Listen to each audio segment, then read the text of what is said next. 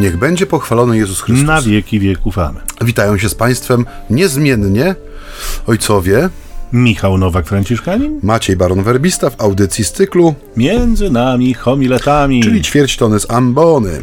Ileż to radości nam daje, że możemy tak za każdym razem, co Drodzy, niedzielę, tak. wypowiadać te sakramentalne słowa. 16 dzień października, ojcze, jak ten czas Boże. pędzi. Jan Paweł II Wielki. Tak jest, to jest raz, a dwa, że też niedziela, która nas gromadzi wokół O. Słowa Bożego, konkretnie 29 już niedziela zwykła w ciągu roku, także niedługo będziemy Mieli lądować. 30. Niedługo Lądować będzie z rokiem. 30. Niedługo będzie 30, tak. Nasze spotkanie jest spotkaniem, które się skupia na słowie i żeby nie przedłużać tych wstępów, których i tak nikt nie lubi, przejdziemy do adremu, jak mawiali starożytni, czyli do słowa, które dzisiaj ma nas prowadzić w tym rozważaniu. Jest to fragment 18 rozdziału Ewangelii Łukaszowej, wersety od pierwszego do ósmego. Powiedział im też przypowieść o tym, że zawsze powinni się modlić i nie ustawać. W pewnym mieście żył sędzia, który Boga się nie bał i nie liczył się z ludźmi. W tym samym mieście żyła wdowa, która przychodziła do niego z prośbą: Obroń mnie przed moim przeciwnikiem.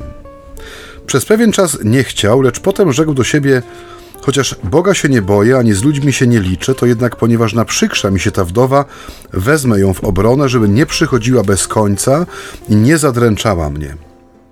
I Pan dodał: Słuchajcie, co ten niesprawiedliwy sędzia mówi. A Bóg czyż nie weźmie w obronę swoich wybranych, którzy dniem i nocą wołają do Niego, i czy będzie zwlekał w ich sprawie? Powiadam wam, że prędko weźmie ich w obronę.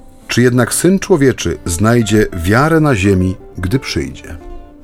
No to e, pierwsza myśl, czy pierwsze pytanie, które ta Ewangelia we mnie sprowokowała, kiedy ją czytałem, to jest e, pytanie dotyczące tego zwrotu zawsze powinni się modlić i nie ustawać. Nie? Czy to nie jest taka ładna przenośnia? Czy, czy rzeczywiście możliwa jest ustawiczna modlitwa? No i rzecz jasna, drodzy Państwo, wszystko zależy od tego, w jaki sposób my rozumiemy modlitwę. Nie? Bo dla wielu z nas, chyba niestety trochę, ta modlitwa jest ograniczona do pacierza, nie? do jakiejś formuły, którą muszę odmówić i y, no właściwie nie do końca wiem po co. To znaczy tak mnie nauczono i Pan Bóg chyba jest zadowolony z tego, że, że ja ten wiersz odmówię. Nie? I to zupełnie bez ironii mówię, tylko tak czasem chyba naprawdę dosyć bezrefleksyjnie to robimy.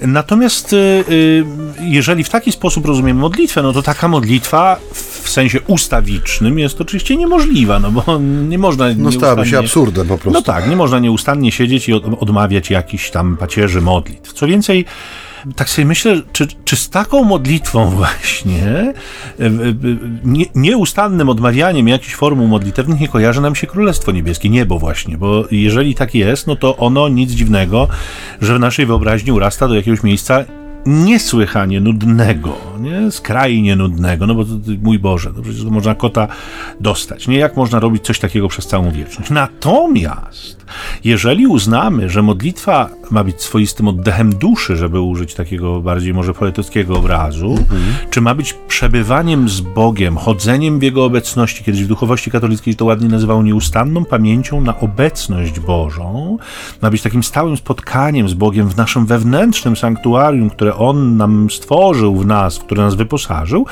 wówczas okazuje się, że to jest możliwe. To znaczy, w taki sposób nieustanna modlitwa mm, jest realna i może o dziwo nawet sprawiać nam przyjemność. Nie? Można to robić nieustannie, można to robić bez przestanku. Dlatego, że cokolwiek robię w perspektywie moich codziennych obowiązków, zajęć, którym się oddaję, nie? temu, co, co jest y, jakby do zrobienia, mogę to robić, a jednocześnie mogę być w kontakcie mm, y, z moim Bogiem. Nie? Więc jakby y, to, to pier, ta pierwsza myśl, która, która mnie tak bardzo uderza, to zresztą zostanie powtórzone przez świętego Pawła, nieustannie się módlcie.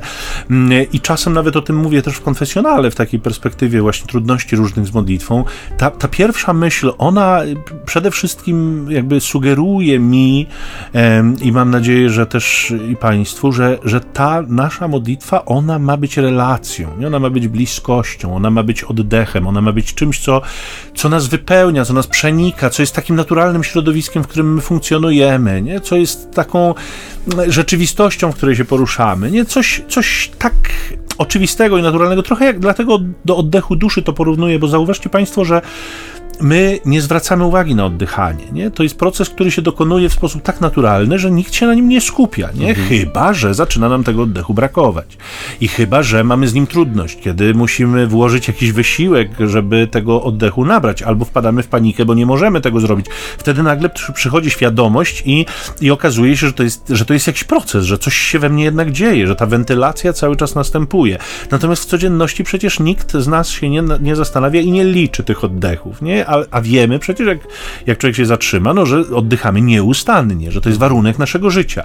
Dlatego jakby to obrazowe y, połączenie z modlitwą, gdybyśmy w taki sposób ją traktowali, gdybyśmy jakby z tym Bogiem byli w takiej nieustannej y, y, bliskości i relacji, tak ścisłej, tak znaczącej, że, że wręcz, no, w cudzysłowie, trochę niezauważalnej, nie? a jednocześnie życiodajnej, no wtedy wydaje się, że jakby ta nasza relacja i życie wiary, bo my cały czas jesteśmy w tym kluczu, nie? Cały czas mhm. któryś tydzień już z kolei o tym życiu wiary, wtedy ono byłoby może bardziej realne i bardziej syczące też dla nas. E, przepraszam. Siorbnął i Siorbnąłem sobie kawy. E, tak, ta tematyka, którą e, ewangelista Łukasz nam niejako zadał i który, która jak gdyby no, idzie z nami przez kolejne niedziele, no, koncentruje się wokół życia z wiary, życia wiarą, żywej wiary, i ta dzisiejsza przypowieść też, no, przypomnę to, to, żeśmy już mówili chyba trzy czy cztery niedziele temu, że e, kiedy mamy jak gdyby przed sobą przypowieść, musimy mieć świadomość, że tam jest ważna jedna rzecz, nie? Tam jest jedna rzecz istotna, którą Jezus chce objawić za pomocą tego słowa. Pozostałe rzeczy jak gdyby no, mają, o ile mają znaczenie, to mają znaczenie pomocnicze w, w, po prostu w temacie wyjaśnienia czy uwypuklenia tego głównego tematu. No i dzisiaj mamy jak gdyby kolejną po tej przypowieści o nieuczciwym rządcy, przypowieść, w którym pojawia się no, osoba zdecydowanie y, negatywnie oceniana, czyli ten sędzia, który Boga się nie boi i z ludźmi się nie liczy, oraz y, uboga wdowa, która mm, no, jest osobą natarczywą. Także można powiedzieć, że obydwoje są charakterami, są postaciami, które nie do końca e, no, mają jakiś taki pozytywny albo tylko pozytywny wydźwięk.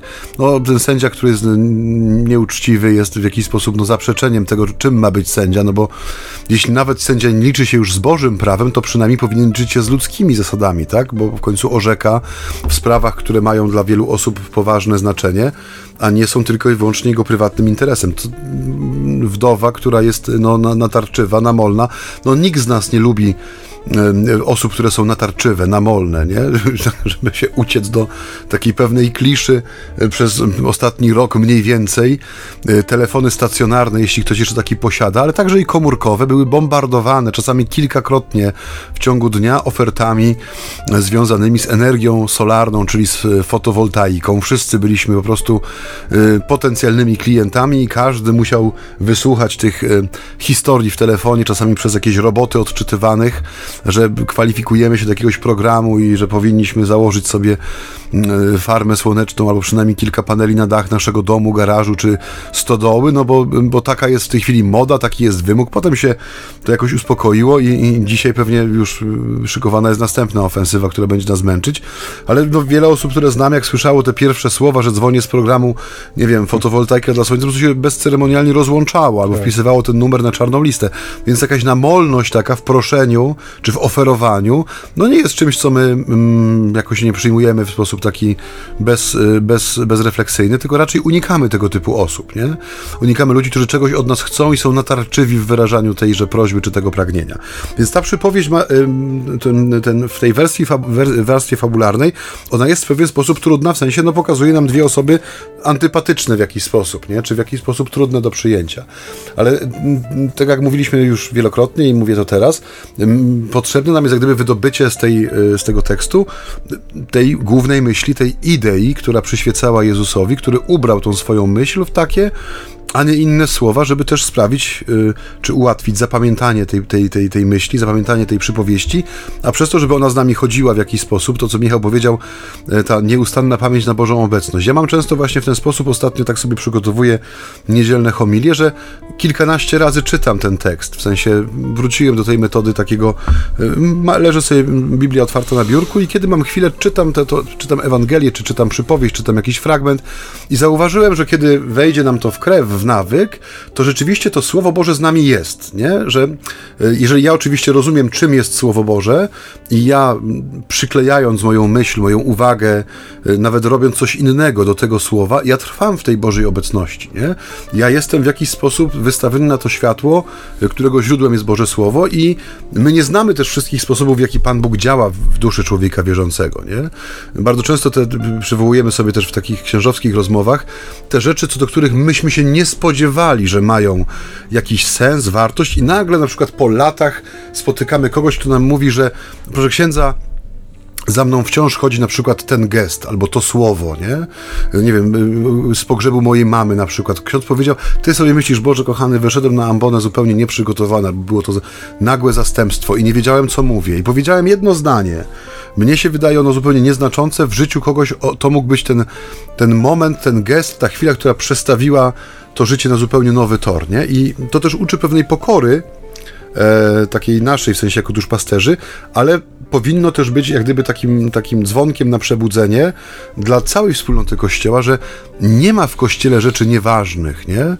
Nie ma w Kościele rzeczy, które nie mogłyby się stać nośnikiem y, łaski, Bożego światła, Bożej obecności w naszym życiu, że my, nie możemy też nadawać albo inaczej ograniczać Panu Bogu pola działania do tych pól i tych momentów, które my uznamy za stosowne, bo nie, nie nasza to chwila znać czas i miejsce, jak mówi Ewangelia na innym miejscu, nie?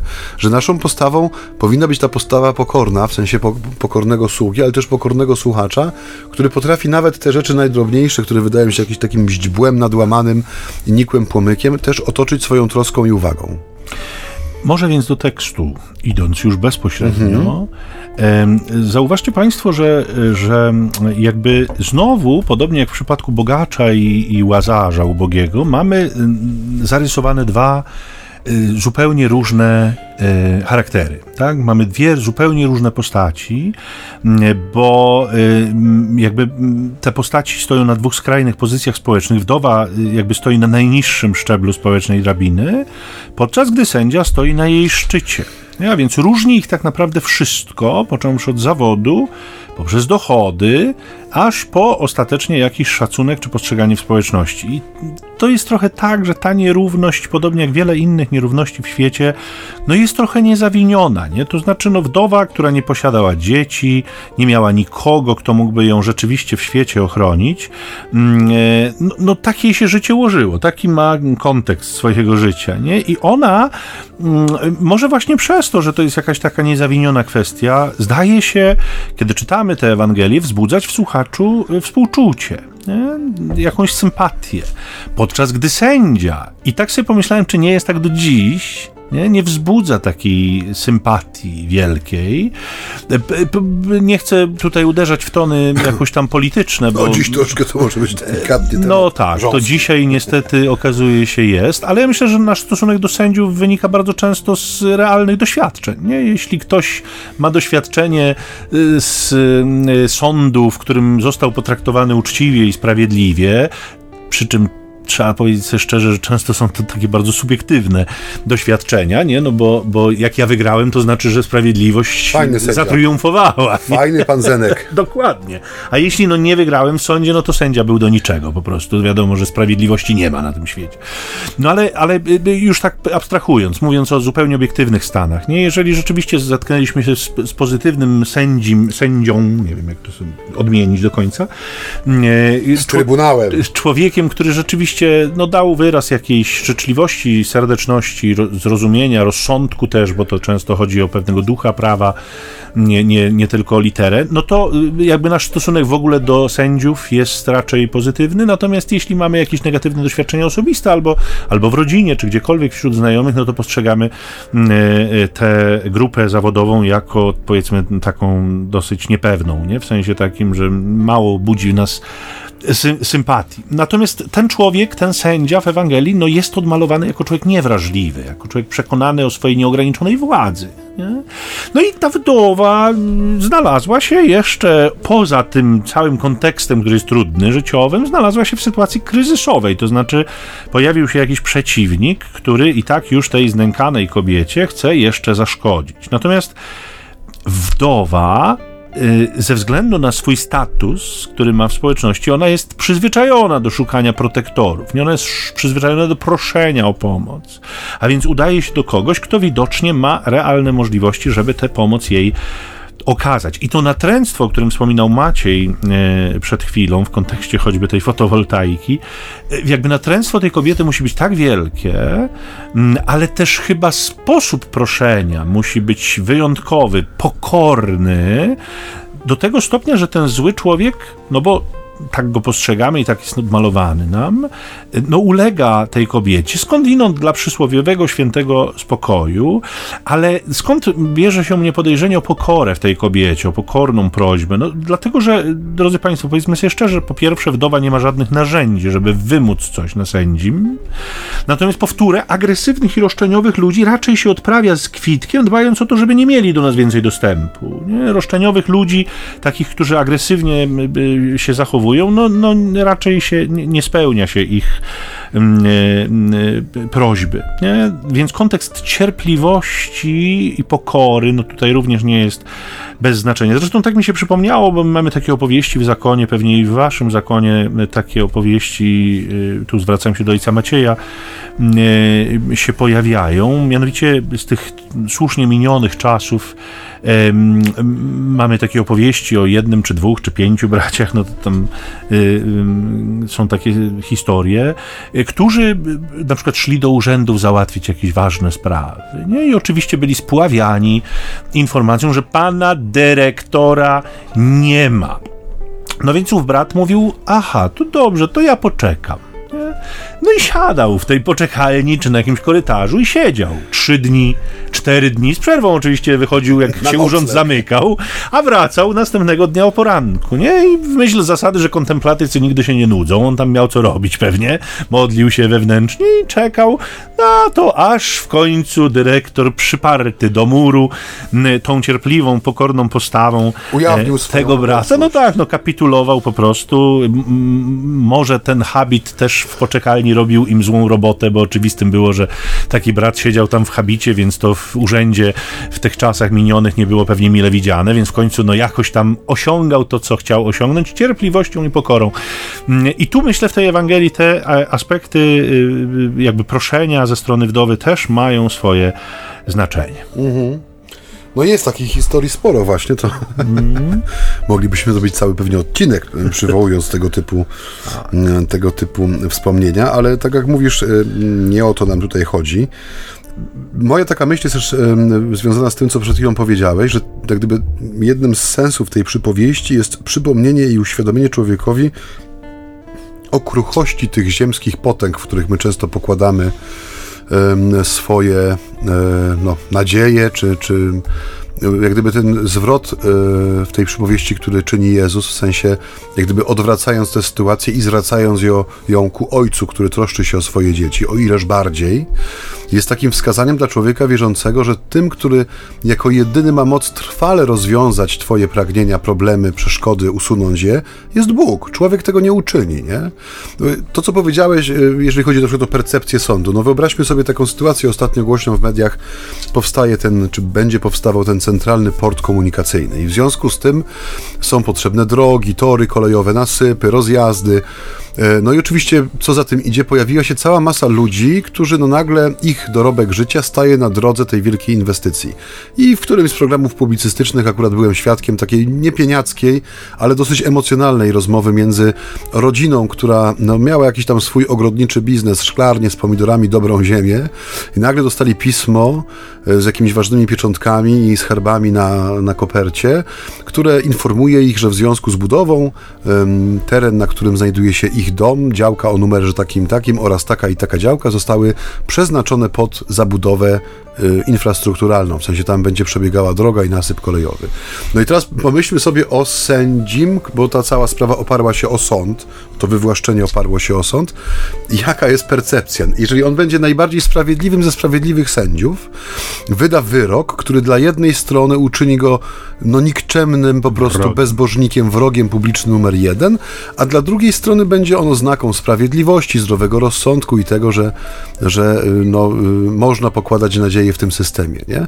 Więc jak gdyby w, w naszej rzeczywistości, która jest tak bardzo y, pokomplikowana i pogmatwana, nie ma takiego orzeczenia, w sensie nie ma takiej struktury, nie ma takiej, takiej instancji, która byłaby w stanie zadowolić wszystkich e, w najgłębszym tego słowa znaczeniu, w sensie do ich takich najgłębszych pragnień, tego wszystkiego, co jest dla nich istotne i ważne, bo zawsze coś nas będzie różnić, nie? No dla, dla właściciela firmy budowlanej orzeczenie sądu, że można budować, będzie super. To, że wiedzie z buldożerem, przejedzie się po tym ogródku, który przez 50 lat dawał świetne pomidory i zrówna z ziemią dom, w którym wychowały się trzy pokolenia ludzi, dla niego to będzie no, element no, nie wiem, straty uboczne, powstaje coś wielkiego, co będzie żyło przez pokolenia, no musi być coś poświęcone. Dla drugiej strony, no będzie to największa tragedia, będzie pożegnanie z miejscem, które ich wychowało, wyżywiło, pożegnanie ze wspomnieniami, no, dom jako dom, no jest takim jednym chyba z dwóch, trzech słów, które w każdym sercu e, w jakiś sposób rezonują, nie? Dom rodzinny zwłaszcza.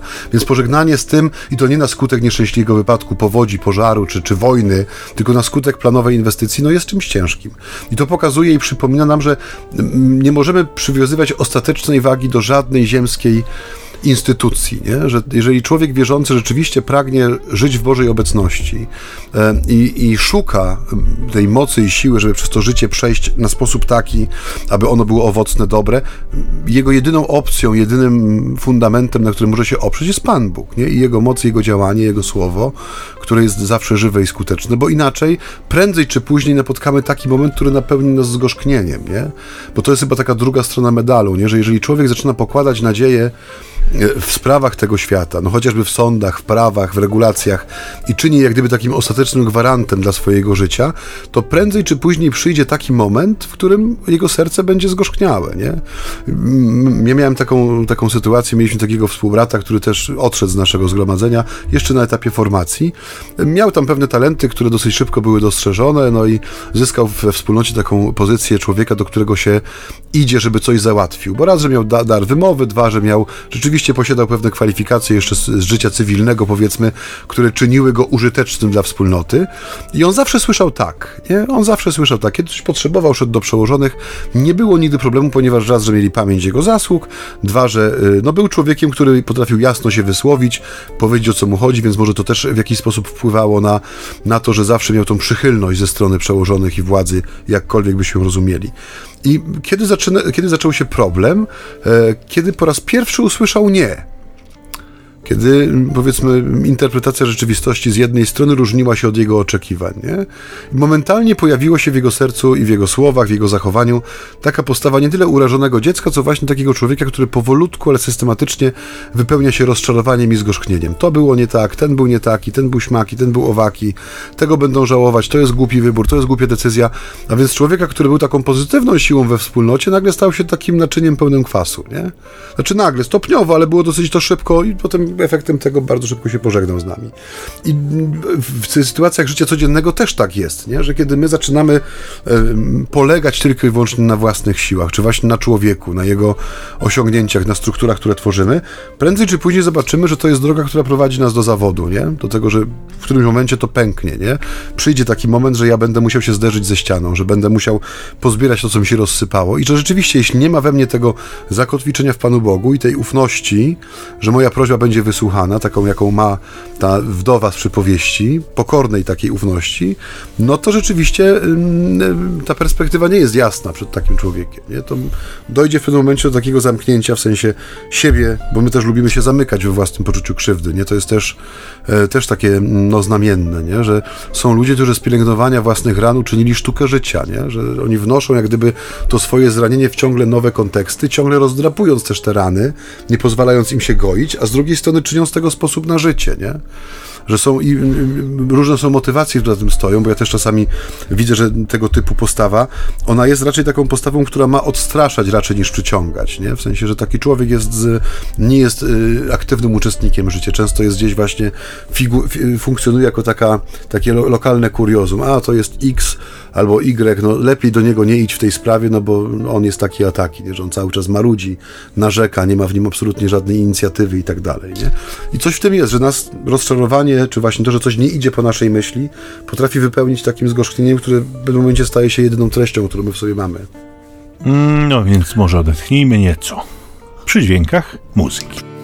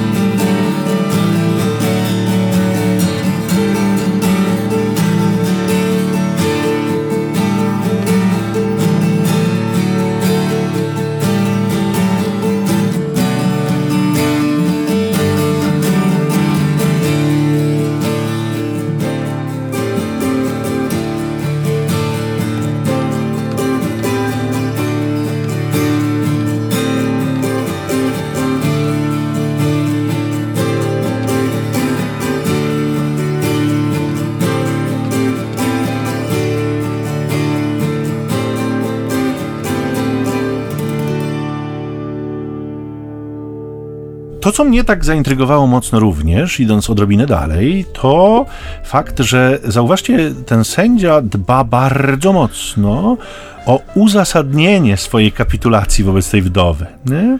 Być może sam przed sobą, e, ale był tak dumny ze swojej pozycji, tak jakby podkreślał tę swoją wydumaną wszechmoc, tak jakby nie chciał stracić twarzy przed samym sobą i tak jakby zapewniał, no nie jestem mięczakiem, nie? To nie jest jakiś wyraz mojej wrażliwości, e, to nie jest jakaś tam troska o człowieka, ale wyłącznie dla świętego spokoju robię to, co robię, nie? I znów takie odniesienie, e, pamiętacie, kiedy mm, Jezus mówi do Piotra, wypłyń na głębie, to Piotr mówi, panie, całą noc pracowaliśmy, ale na twoje słowo słowo zarzucę sieci, nie? Więc jakby y, chciał pokazać, że to ja nie mam z tym nic wspólnego, nie? Jak ktoś się tutaj zbłaźni, to to będziesz ty, nie? I to ten jakby ten klimat trochę mi się przypomniał, kiedy kiedy patrzę na tego sędziego, nie? Który, który w, w, żadnym wypadku nie, nie chce pomóc człowiekowi, nie? chociaż z Bogiem się nie liczę, nie? I choć, nie, chociaż Boga się nie boję, z ludźmi się nie liczę, no to dobrze, to zrobię jednak. Nie? I, I zobaczcie, że mamy tutaj taki przeskok od bardzo niedoskonałego ludzkiego załatwiania takich spraw, no do perspektywy Bożej, którą Jezus nam ukazuje jako nieskończenie odmienną. Nie? Bo przepaść między bohaterami, między Bogiem a człowiekiem jest jeszcze większa. Nie? Ta nędza proszących w porównaniu do Boga jest oczywiście jeszcze wyraźniejsza, natomiast sędzia jest kimś zupełnie innym. Ta postać przede wszystkim jest samym współczuciem i nie zwleka z interwencją wobec swoich wybranych. Nie? I to wybranie, nie? czy jakby ojciec nie da bardziej ducha tego, tym, których wybrał, nie? To, to, to wybranie zwraca szczególną uwagę, ponieważ ono znamionuje odpowiedzialność. Nie? Bóg, który nas stworzył, jest odpowiedzialny za swoje stworzenie, natomiast stworzenie, no dziś niedwuznacznie jest zachęcane do tego, żeby dniem i nocą zwracać się do swojego Stwórcy, no i to właśnie w nim szukać um, pokrzepienia i ratunku. I wydaje się, że to spotkanie rzeczywiście może mieć zupełnie inny charakter niż spotkanie wdowy i sędziego i ta prośba potrzebującego no też nigdy nie pozostaje mm, bez echa. Nie? Natomiast wydaje mi się, że, że trzeba by wspomnieć o jednym takim wyjątkowym aspekcie tej relacji. Otóż e, no jest pewna różnica między tym sędzim z, z przypowieści czy opowieści, a Bogiem. E, jedna zasadnicza różnica jest taka, że Bóg jest wszech wiedzący. To znaczy, on nie jest na tym samym poziomie, co proszący, a w konsekwencji on dokładnie wie o tym, co jest dla proszącego dobre. Innymi słowy, wie, jaka obrona jest najlepsza, powiedzielibyśmy, w jaki sposób należy zareagować. I tu pojawia się we mnie takie pytanie. E, no, czy należy w nieskończoność prosić o to samo? Ja y, pamiętam w Stanach, y, miałem taką kobietę w parafii, która y, miała mm, jakoś tam syna autystycznego w takim kluczu, doświadczał takiej dysfunkcji i i to była kobieta, która poruszała ziemię i, nie, ziemię i niebo, nie? żeby temu swojemu synowi pomóc i powielokroć różne modlitwy o uzdrowienie, nie? takie sprawowane, wwożenie go w różne miejsca, przywożenie różnych takich charyzmatycznych gwiazd, które tam tę modlitwę podejmowały. Mm, I, i to trwało lata całe. I y, y, dla wszystkich było jasne, że ten chłopak robi niesamowite postępy też, nie? że on się bardzo zmienia. Wszyscy to widzieli. Nie?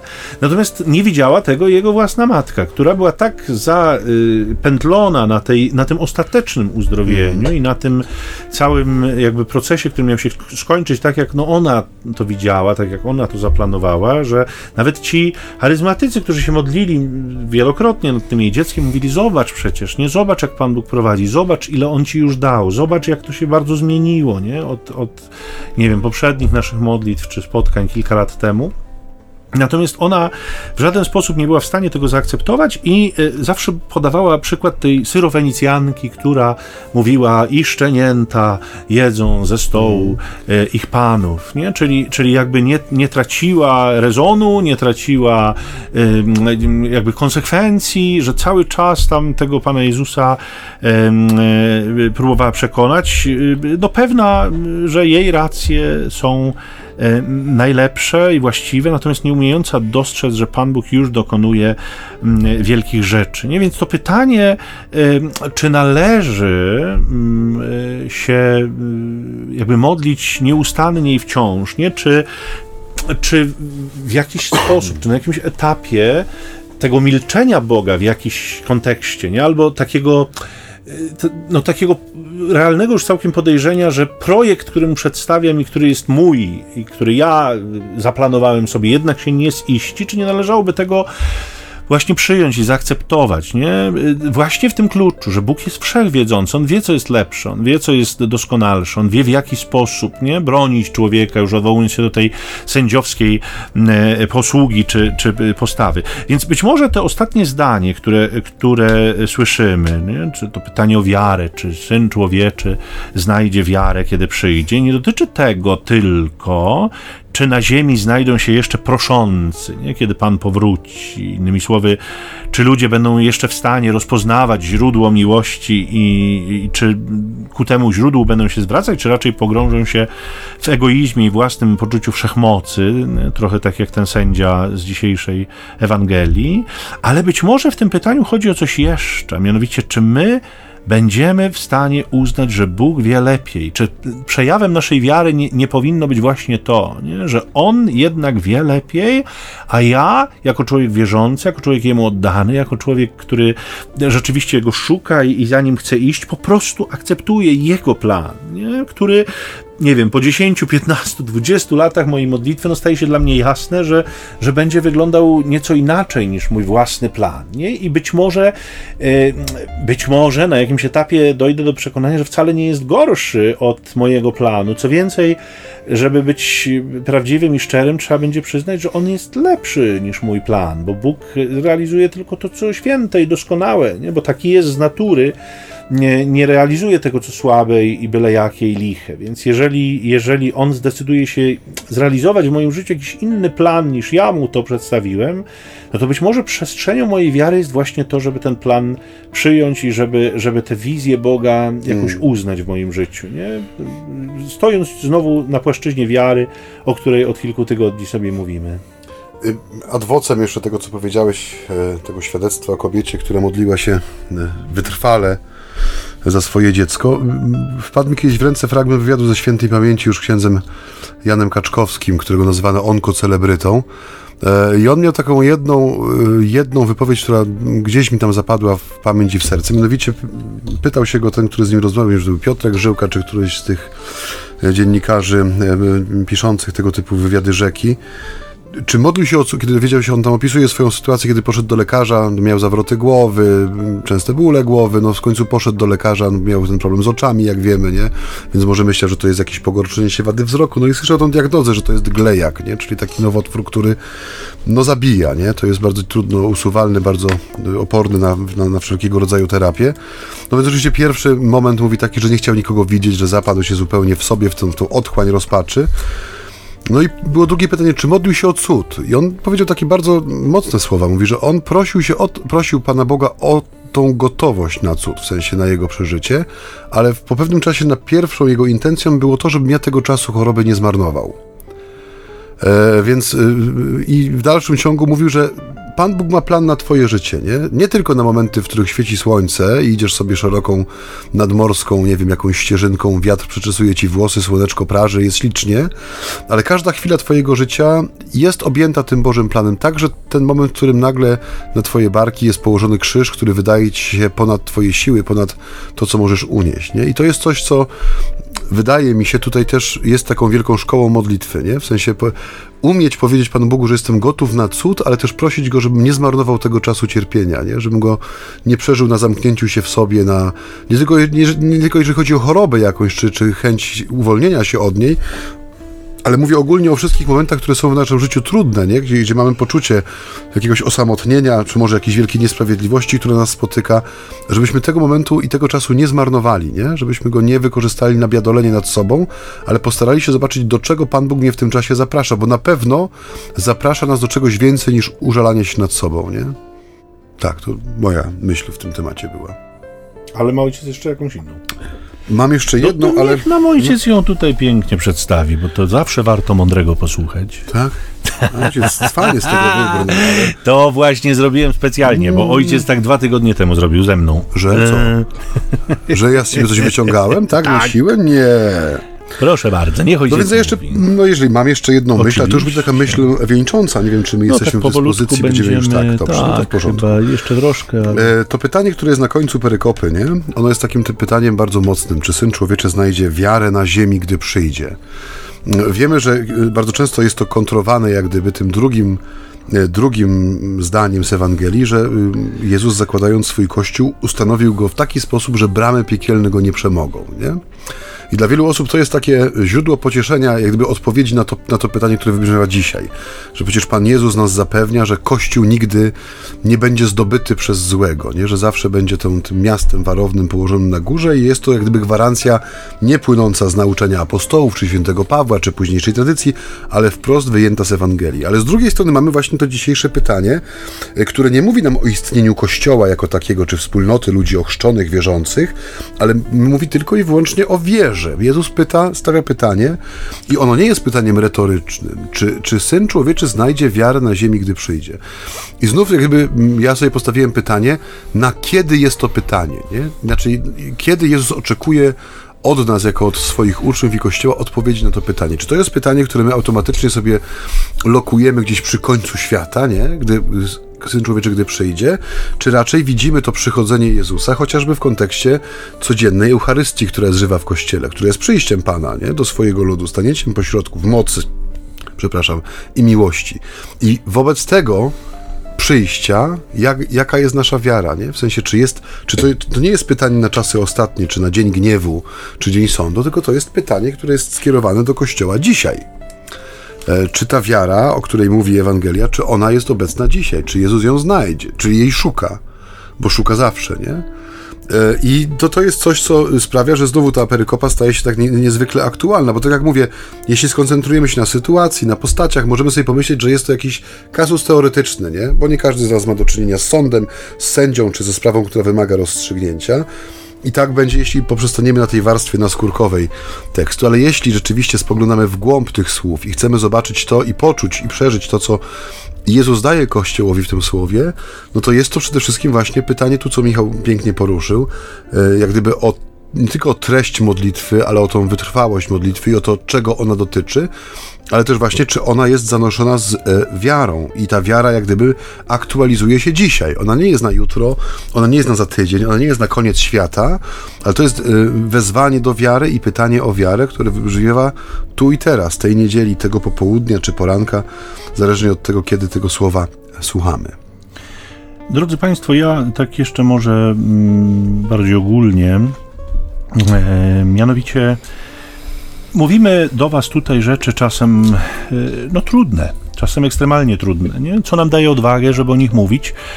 No odwagę daje nam sam Pan Jezus Chrystus, dlatego że nie głosimy siebie, nie głosimy swoich poglądów. Gdyby one były nasze, to być może mm, no, z takim dużym niepokojem byśmy myśleli o tym, co czasem mówimy, o tych trudnych sprawach, dlatego że, mm, że nie mamy takiego autorytetu, żeby komukolwiek e, sugerować nawet, a już nie mówiąc o tym, żeby go zobligować do tego, żeby zachowywał nasze pomysły na życie. To są y, pomysły na życie naszego Pana Jezusa Chrystusa i one przychodzą do nas y, czasem w sposób zaskakujący. Czasem wydaje się, że jesteśmy na nie zupełnie niegotowi. Czasem mamy mm, no, sytuację życiową, która wydaje się być zupełnie niesprzyjająca wobec tego, choćby co tutaj do Państwa mówimy, nie? Czyli, y, czyli jakby. Yy, narażamy się czasem na, na takie, taki zarzut, łatwo wam mówić, nie? bo nie jesteście w mojej sytuacji, bo nie jesteście w moich butach, bo nie przeżywacie i nie doświadczacie tego, co ja. Nie? Moje życie dzisiaj jest tak trudne, że, że jakby nie jestem w stanie tego zrobić. I tu pełna zgoda. Tak mi się kojarzy taka anegdota e, amerykańska o y, świni i kurze, które Lubimy rozmawiają... amerykańskie anegdoty, tak, dalej, ojcze, świnia, dalej. Świnia z kurą, które rozmawiają o, o farmerze, na którego farmie żyją i są takie zachwycone tym farmerem Brownem, który je tam pielęgnuje i dogląda, no i dochodzą do wniosku, że trzeba by e, zrobić farmerowi jakąś przyjemność, trzeba by mu dać coś fajnego. No i kura wychodzi z pomysłem, zróbmy mu jajecznicę na boczku. a świnia mówi, wiesz, mówi, dla ciebie to tylko dar, a dla mnie to prawdziwa ofiara. Nie? No tak jest, to znaczy y, anegdota anegdotą, może rzeczywiście dość zabawna, natomiast Natomiast nasze życie czasem takie wcale nie jest. Nie? I to co pobrzmiewa czasem w naszych ustach jako coś lekkiego, łatwego, że wydaje się, że to mówią goście, którzy traktują to tak, o, tak, nie pstryknąć palcami i już tak jest, ale przecież w mojej sytuacji to wcale tak nie jest, nie? W mojej sytuacji to jest jakaś absolutnie skrajna ofiara, yy, której sobie zupełnie dzisiaj nie wyobrażam, nie? To może rodzić pewną złość też na nas, nie? Pewne zniecierpliwienie, że nie mamy, nie wiem, wyrozumiałości w sercu, że nie mamy takiej wrażliwości. Yy, yy, spróbujcie nas dobrze zrozumieć. Nie? My nie wiemy do końca, do kogo mówimy, oczywiście. Nie? My musimy jakoś uśrednić ten przekaz, żeby, żeby on był nadal ewangeliczny, a jednocześnie, żeby trafiał do tych, do których trafić e, powinien. Nie? Więc, y, drodzy Państwo, zdajemy sobie sprawę, że konteksty życia są bardzo różne, zdajemy sobie sprawę, że sytuacje są czasem takie, że to słowo nie jest łatwe, że ono jest wielkim wyzwaniem i że jego zachowanie kosztowałoby nas naprawdę wiele, ale wierzymy też głęboko, głęboko w to, że skoro Jezus mówi do wszystkich, to wszyscy mogą to zrobić. Nie? To znaczy e, e, odpowiednio trudne życie z pewnością zasługuje w jakimś sensie, oczywiście zasługuje na odpowiednio wielką łaskę ze strony Boga. Więc jeżeli Pan Bóg daje jakieś wskazania, a ktoś ma naprawdę rzeczywiste trudności z tym, żeby im sprostać, to niewątpliwie tej łaski, której On chce dołożyć, będzie więcej. Nie? I w to być może warto, żebyśmy też uwierzyli, nie? Że, że Ewangelia nie przekracza naszych możliwości, nawet wtedy, jeżeli doświadczamy ogromnych trudności i jej zachowanie wydaje nam się być niesłychanie y, jakby trudne, związane z ogromną ofiarą. Łaska Boża jest przy nas. To, y, co Pan Bóg przez Jezusa, naszego Pana, nam pokazuje, to nie tylko y, jakby kierunek i wymagania i oczekiwania. Nie, Jezus nie przyszedł po to, żeby nas pouczyć i żeby nas z tym pouczeniem zostawić. On przyszedł po to, żeby nam pouczyć, nas pouczyć i wskazać nam, jak to zrobić, a jednocześnie towarzyszyć nam w, w robieniu tego, w zachowywaniu tej tejże Ewangelii i ta Jego łaska jest z nami, Jego łaska jest w nas i niech ta wiara e, przenika e, was i przenika świadomość e, waszą, kiedy słuchacie nas, bo tak jak powiadam, nie chciałbym, żebyśmy się narażali na jakiś zarzut o niewrażliwość. Tak, tak nie jest. Nie, my po prostu staramy się głosić Ewangelię taką, jaką ona jest. E, drodzy słuchacze, tutaj też, żeby troszeczkę podciągnąć ten wątek i jednocześnie podsumować naszą e, dyskusję, ja przypominam, że można z nami się kontaktować i jeżeli ktoś ma jakieś glosy czy głosy komentarza do tego, co słyszy, to zawsze można się wypowiedzieć. Szczególnie zapraszamy do tego, żeby dyskusję prowadzić na naszym e, profilu facebookowym, bo on do tego został stworzony. Tam można dodawać komentarze pod postami dotyczącymi audycji konkretnych fragmentów Ewangelii, wyrażać też swoją może, e, czy swoje widzenie, swoje rozumienie pewnych spraw. My jesteśmy bardzo otwarci na to dziękujemy za wszelkie głosy tego typu. E, także zapraszam na, na portal Facebook. Jest tam taka grupa, nazywa się między nami homiletami, czyli sieć tony z ambony, myślnik audycja, ale po wpisaniu pierwszych słów nazwy ona się powinna wyświetlać i z reguły się wyświetla. Można poprosić o dołączenie i wtedy y, można już w pełni uczestniczyć, że tak powiem, w tym, co się tam dzieje. Mm, zapraszamy też do tego, żeby y, odsłuchiwać nasze tutaj rozmowy, nasze audycje za pośrednictwem innych źródeł niż fale eteru, bo nie każdy może o konkretnej godzinie zasiąść przed radioodbiornikiem. Jesteśmy obecni w internecie w wielu miejscach. Te najbardziej popularne to e, Spotify, Tidal, Stitcher, Google Podcast. Tam można znaleźć wszystkie odcinki naszych audycji, także te archiwalne i one są podzielone pod kątem też słowa, które jest wykorzystane zawsze zaznaczone, jaki to odcinek, jaka Ewangelia. Także jeżeli szukacie na przykład inspiracji dotyczącej konkretnego słowa, można sobie też po tym, że tak powiem, uczynić wyszukiwanie. Tak, no i mamy zwyczajowo ten numer SMS-owy, na który można słać jakieś krótkie informacje tekstowe. On temu służy. Dlatego, gdyby Państwo mieli ochotę, to podaję ten numer, to jest 785 777 100. Powtórzę 785 777 100. A no dzisiaj to wszystko. Tak, chyba będziemy lądować rzeczywiście. Zapraszamy za tydzień w tą drugą połowę e, października wchodzimy, także ten czas jesienny już pewnie mocno się zaznaczył, ale my niezmiennie ze słoneczkiem do Was przychodzimy, uśmiechnięci i radośni. Miejmy nadzieję do usłyszenia za tydzień, a dzisiaj niech nas pobłogosławi ojciec Michał, bo robi to fantastycznie. Drodzy, niech ta łaska Boża wspiera nas w zachowywaniu Ewangelii w codzienności, a Was, słuchających tej naszej audycji, Niech błogosławi, strzeże Bóg Wszechmogący, Ojciec i Syn i Duch Święty. Amen. Pokój i dobro. Pokój i do usłyszenia. Do usłyszenia.